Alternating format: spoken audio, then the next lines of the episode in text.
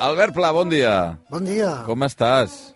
Bé, molt bé, Home, molt bé, fantàstic. No, encara estàs, suposo, superat per al reconeixement, no? Que amb les temporades que portes aquí, coi, costava, no? Que, que hi hagués reconeixement a la teva figura, Un premi, Xavi, a la eh? teva, Sí, senyor. a la teva feina... No, jo, mm. és, és, tot, és tot mèrit teu, Sí. Xavi. No, a veure, he de dir una cosa... Jo dir solo una... tenido que empujarla, de veritat. he de dir una cosa. O sigui, han passat els Ondes, han passat els Premis Ràdio Associació i no...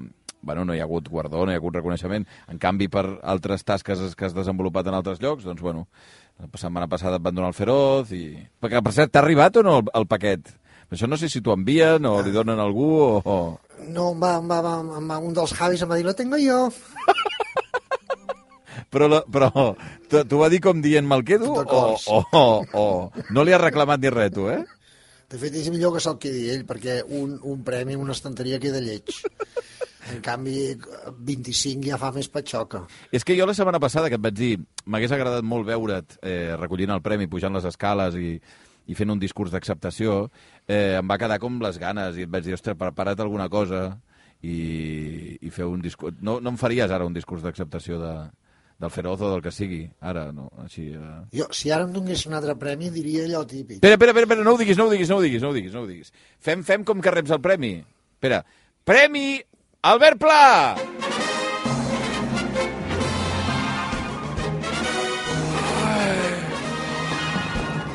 Sube al escenario Albert Pla. Recoge el premio en nombre de Albert Pla, Xavier Ja- Ja- Javier Bundo. No, no, no em trampegis, no. Has de sortir tu a recollir-lo. Va, digues, digues, No. hòstia. Serà Tot mal- Espanya t'està escoltant. És un Què dic. Espanya? El mundo entero. Ets un mal parit, eh, com m'has girat la bola. No, fes una mica de discurs, Pla. Va, recull el premi, jo te'l dono. Jo sóc l'Obert Pla fins al final, moriré així. No hi aniries mai a la No vida. trauràs ni una paraula. És molt fort. Ni que portessis elàstic i em posessis un foco a I la no, fa, cara. no faries un discurs mai, eh? Jo la meva teoria és que vas anar a l'altra entrega de premis perquè sabies que no te'l donarien i aquest que sabies que potser te'l donarien vas decidir que no hi anaves. No, la veritat és avorridot. Les coses aquestes són avorridotes. Haurien de pensar d'una manera una mica més entretenida. Clar. O una, una mica més... Hòstia, els premis és molt caspós. Sí, eh? és sí. molt... I ja si- podrien inventar-se altres maneres per fer promoció. Una- una- una creu de- "Escolta, Els premis els hi fem promoció. Una creu de Sant Jordi, una cosa així, Albert. Ui, els de la Creu de Sant Jordi ja estan avisats. De què? Ja estan avisats que ni ho intentin. que ni ho intentin a Espanya, com que no em coneixen gaire, de vegades doncs, algú se'ls escapa, però aquí a Catalunya ningú gosaria Però, perdona, proposar-me a mi. Dirien, home, tio, que és l'Albert. però tu saps que això és la, el, el gran benefici de la Creu de Sant Jordi més enllà del reconeixement públic és que tens una esquela. Per, la, per, vull dir, el dia que et mors, la Generalitat de Catalunya fa una esquela als diaris amb el teu nom. A l'avantguàrdia. Ah, Crec que tots els diaris, diria, paguen una esquela, Però escolta- però d'aquelles grosses, eh? No una coseta petitona, de... no, no, tros d'esquela, eh? Perquè, de fet, els, ja no els treballadors, però els que hem col·laborat o hem treballat alguna vegada pel grup Godó, també tenim esquela a l'avantguàrdia, ens toca no. per contracte. Hosti, no ho sé, això. No, no me llegit mai Hauria- fins al final. Hauria de preguntar. Però, no ho sé, de no ho fet, sé. hem de tenir dret, no? Bueno, ja ho, pre ja ho pregunt l'avantguàrdia. ja preguntaria el, bueno, en el plec de condicions, doncs ja a veure si estava allà en alguna clàusula. Negoci-m'ho. Va, eh, de què parlarem avui, Albert? Va, més enllà dels feroz. Avui, bueno, avui parlarem d'un tema que està de rabiosa actualitat, Xavi. De què? Els coloms missatgers. Home! Ja, no, no comencem amb el, amb el so aquest, que no s'assembla un colom ni per atràs, de veritat, eh? Però, Home, és el so quan li arrenques el missatge de No la puteta a un colom és un gat. I per rato que ho estic dient, és un punyetero gat.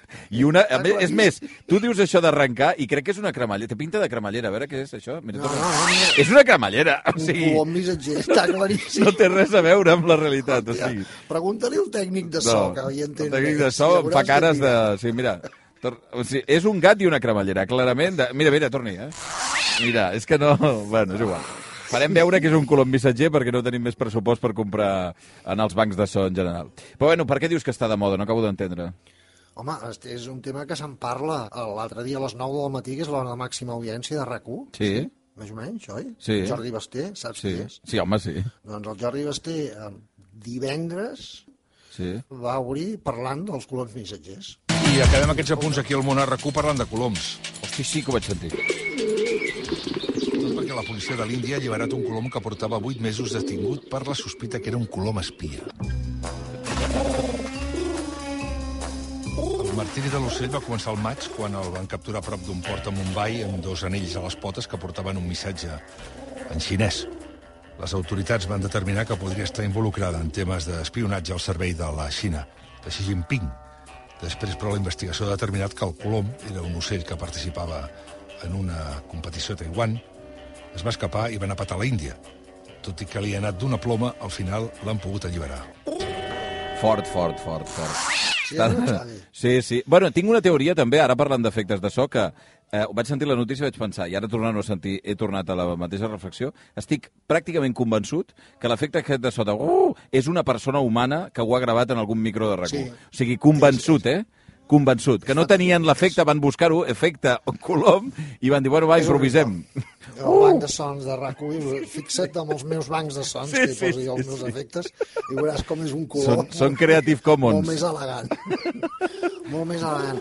Però és cert, perquè t'hi fixes, vull dir, els que llegim notícies interessants, els que seguim les notícies Sí, interessants sí, que sí. passen al món, avui ens vam sorprendre el divendres, perquè vam dir, hòstia, realment una notícia interessant ha passat a les notícies que dieu els Sí, periodistes. a veure, el Basté a vegades va remolc, eh?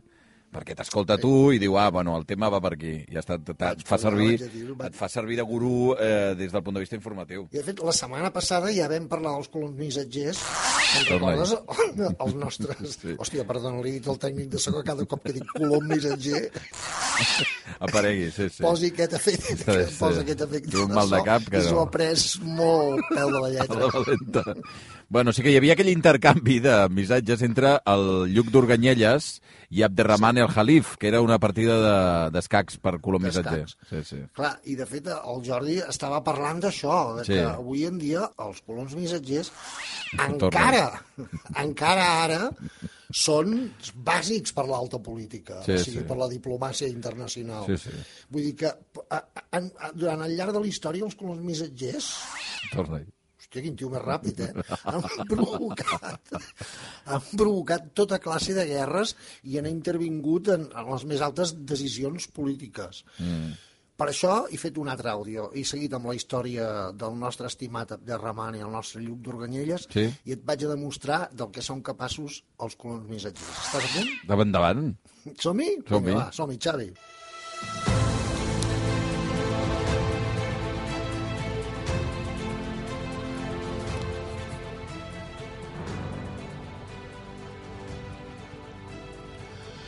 Corria l'any de gràcia de Déu entre 1200 i 1350. Pocs coneixien l'any exacte, doncs eren èpoques tenebroses i hostils, en terres de castells, cavallers, creuades, camperols morts de gana i llegendes de dracs de vora princeses. Vet aquí que a la comarca d'Urganyelles hi havia dos senyors. L'un, el comte Lluc d'Urganyelles, home cristià, temerós de Déu, senyor de totes les terres d'Occident, i l'altre, Abderrahman al Halif, servent d'Alà i senyor de totes les terres d'Orient. El bosc separava els dominis dels dos senyors, un bosc espès, cobdiciat per moros i cristians, doncs al vell mig d'aquest bosc hi havia un pou, un pou d'aigua cristal·lina. Les guerres entre moros i cristians per la possessió del pou es perdien en el temps i degut a que l'última batalla ja havien mort el rebesavi d'en Lluc d'Urganyelles i l'avi d'Abderrahman, el pou va quedar abandonat.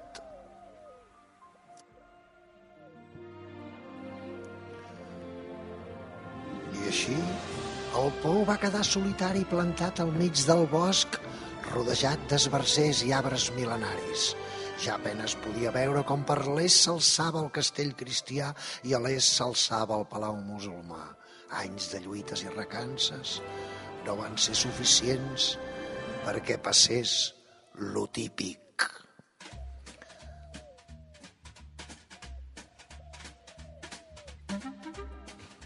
Doncs que resulta que la filla de l'Abderrahman va decidir sortir a passejar pel palau sense donzelles de companyia ni escoltes i va decidir donar un vol pel jardí del castell, cosa que no feia mai. I mira si és casualitat que just en aquells mateixos moments, a l'altra banda de la comarca, el fill del Lluc també va decidir sortir a passejar pel jardí del seu castell sense guardes personals. I si hi havia poques possibilitats de que els dos sortissin a donar una volta al mateix temps, era encara més improbable que sortissin a passejar sense companyia del castell, perquè aquells dies tinguessin més ganes del compte d'estirar les cames. Però encara és més, que els dos, cadascun per la seva banda, sortissin dels jardins i s'adentressin al bosc i es perdessin... Només el destí, no sé si cruel o beneit, va fer que es trobessin els dos sols davant del pou en el mateix moment i amb la mateixa set. No només set d'aigua, sinó set d'esperit i de cos i d'ànima, set de saciar els seus cossos i les seves ànimes. I així fou com el príncep i la princesa es varen trobar i els dos varen veure l'aigua del pou. Ah, ah, i els fluxes, ah, i els líquids, i l'un va veure del cos de l'altre. Je t'aime. Oh oui, je t'aime. Moi non plus. Però entre l'espessura del bosc foren descoberts per Husuf, fill de Jadea i Gesei, un humil llenyataire que li va relatar tot al seu senyor. Endavant, soldat. Senyor Abderrahman, senyor Abderrahman, he descobert el fill del Lluc d'Organyelles fent l'amor al pou. Que el fill del Lluc era al pou. Amb, Amb qui? La... Amb qui feia l'amor, el fill del Lluc? Amb una donzella, no ho sé, no l'he vist la cara, no l'he vist la cara. Amb qui feia l'amor? No, no m'hi he fixat, però sí, era una noia. Així que Abderrahman al Jalif, escandalitzat per la notícia, li envia una carta a Lluc d'Organyelles mitjançant el seu sistema de coloms missatgers.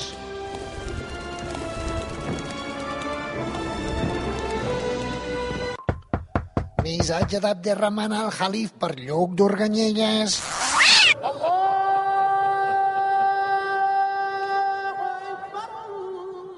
Estimat Lluc d'Organyelles, és a l'alt més gran i és per Alà que, malgrat la nostra amistat i tot tolerar que vostè em faci trampes als escacs, de cap manera puc permetre que el pou on va morir el meu rebesavi i el meu avi sigui deshonrat pel seu fill.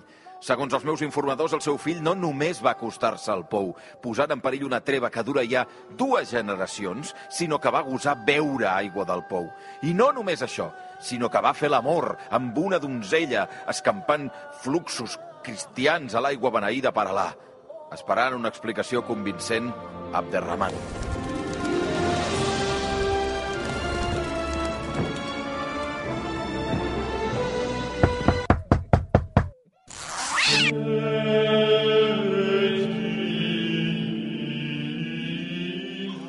Estimat Abderrahman, res em sap més greu que comunicar-li lo equivocat que estan les seves afirmacions.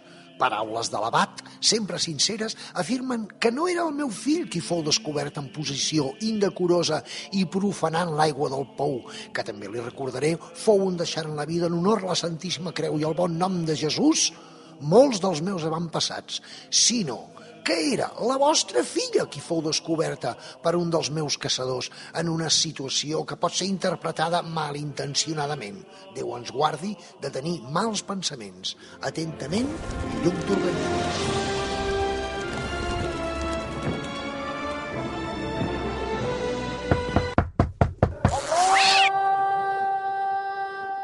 Benvolgut, Lluc. Avui és un dia trist per la nostra amistat. Vostè acusa falsament la meva filla no només de beure aigua del pou, sinó que gosa insinuar que era fent actes indecorosos impropis de la seva posició social i la nostra fe. Que l'À ens protegeixi de les injúries cristianes. Espero que tot hagi estat un error del seu lamentable servei de coloms missatgers. Esperant les seves disculpes, Abderrahman el Jalif. Benvolgut Abderrahman al-Khalif. Primer que res, no vull dir que la seva filla fes res d'indecorós digne d'una princesa virtuosa i temerosa de Déu. Estic segur que ha estat un malentès.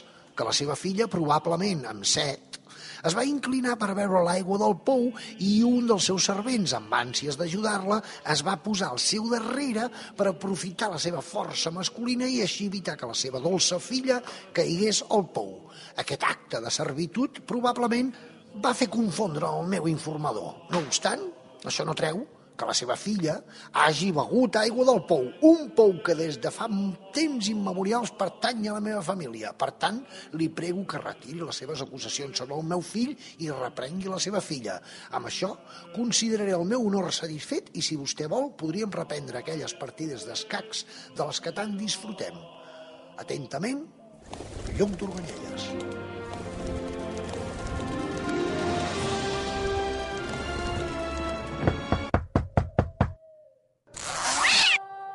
Estimat Lluc, m'estranyen molt les seves acusacions tan lleugeres sobre la meva filla. M'està dient que la meva filla era sola amb un servent? Cosa impensable en una donzella de la seva classe social. Sense donzelles, majordoms ni soldats que la protegeixin. M'està dient com educar la meva filla? Jo he de reprendre la meva filla per una cosa que segur que no ha fet? Jo sé que el seu fill és jove, fogós, com vostè i jo hem estat en la nostra joventut. Quan ets cadell fas actes inconscients, quasi innocents, però que poden portar conflictes d'interessos que fàcilment aconsegueixin desequilibrar la pau política tal com l'entenem fins ara. Estic d'acord amb reprendre una bona partida d'escacs quan rebi les disculpes del seu fill. Es retirin les falses acusacions sobre la meva filla i la promesa de no tornar a tocar el meu pou. Atentament, Abderrahman.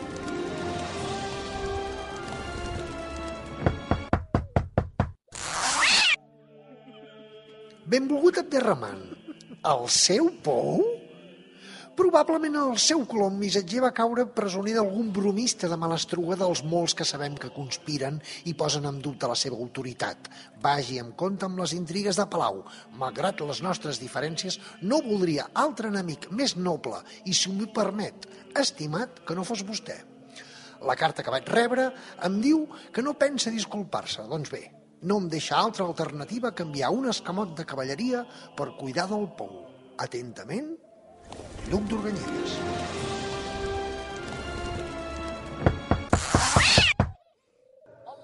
Benvolgut Lluc, no em deixa una altra alternativa que enviar els meus soldats per evitar que el pou caigui en mans cristianes.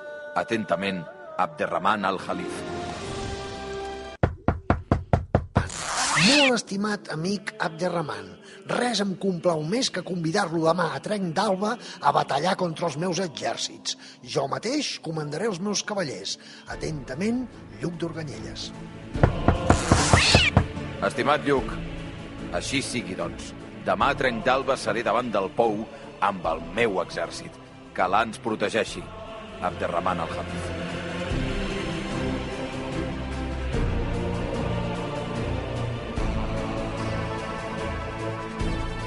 Així que els dos senyors varen vestir-se amb les seves més lluents armadures, van muntar damunt dels seus blancs corcells i es varen dirigir cap al pou de la discòrdia al capdavant dels seus exèrcits.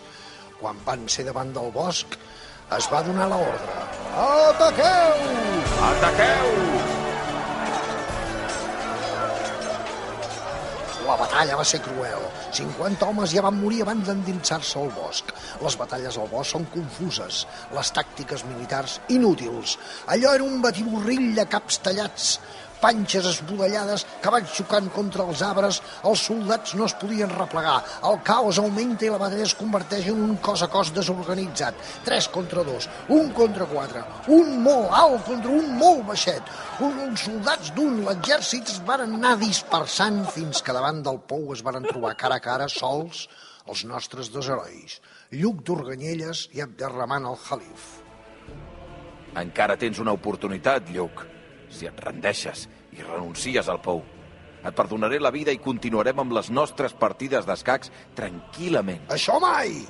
El pou és meu, Abderrahman. Lluitem, doncs. Lluitem! Ah, mor, Lluc d'Organyelles! d'Organyelles, el pou és meu! Mort! Ah, Lluc d'Organyelles, el pou és meu! Ah, És meu, el pou és meu! El pou és meu!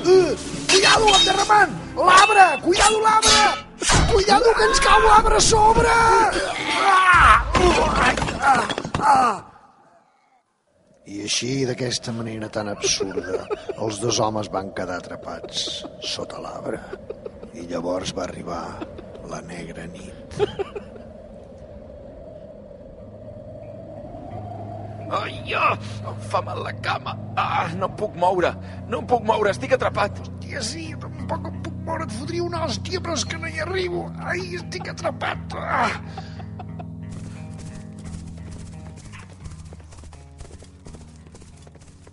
Ho sents? Són les petjades dels cavalls dels meus homes. Estàs perdut. Eh, T'equivoques, t'equivoques. Aquestes petjades jo diria que són els meus homes. Ets tu qui està Quan perdut. vinguin els meus homes a alliberar-me, seràs jutjat i executat, Lluc d'Organyelles. Aquest serà el teu últim error. No, t'equivoques. Quan vinguin els meus homes a alliberar-me seràs jutjat i executat. Quan arribin els meus homes seràs executat i el teu cap serà clavat a una forca a la plaça. T'equivoques, són els meus homes. I quan arribin seràs jutjat, executat, el teu cap amb una pica i a més a més seràs desmembrat. T'equivoques, són els meus homes. I quan arribin, seràs executat, despallat i amb la teva pell forraré el coixí del tron on m'assec cada dia.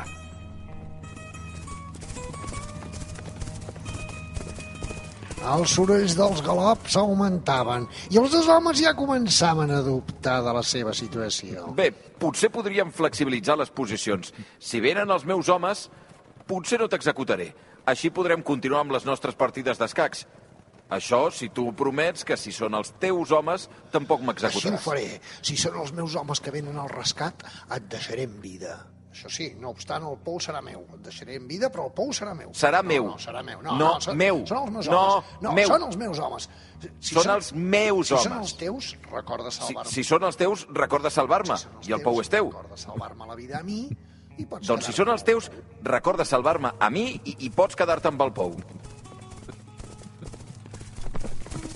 Poc esperaven els dos cavallers que aquell galop de cavalls no eren ni de l'exèrcit musulmà ni de l'exèrcit cristià. No eren cavalls, eren els llops.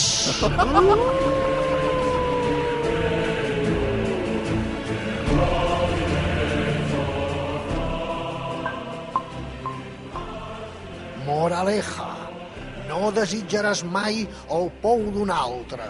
No, no, espera, no. no uh, la natura és més poderosa que la humanitat. No, no, espera, no. Uh, els pous són f- tant per moros i cristians... Tampoc, no, espera. Moraleja, a veure, sí, ja està. El poder de... Jo què sé, va, me voy, Xavi. Me voy!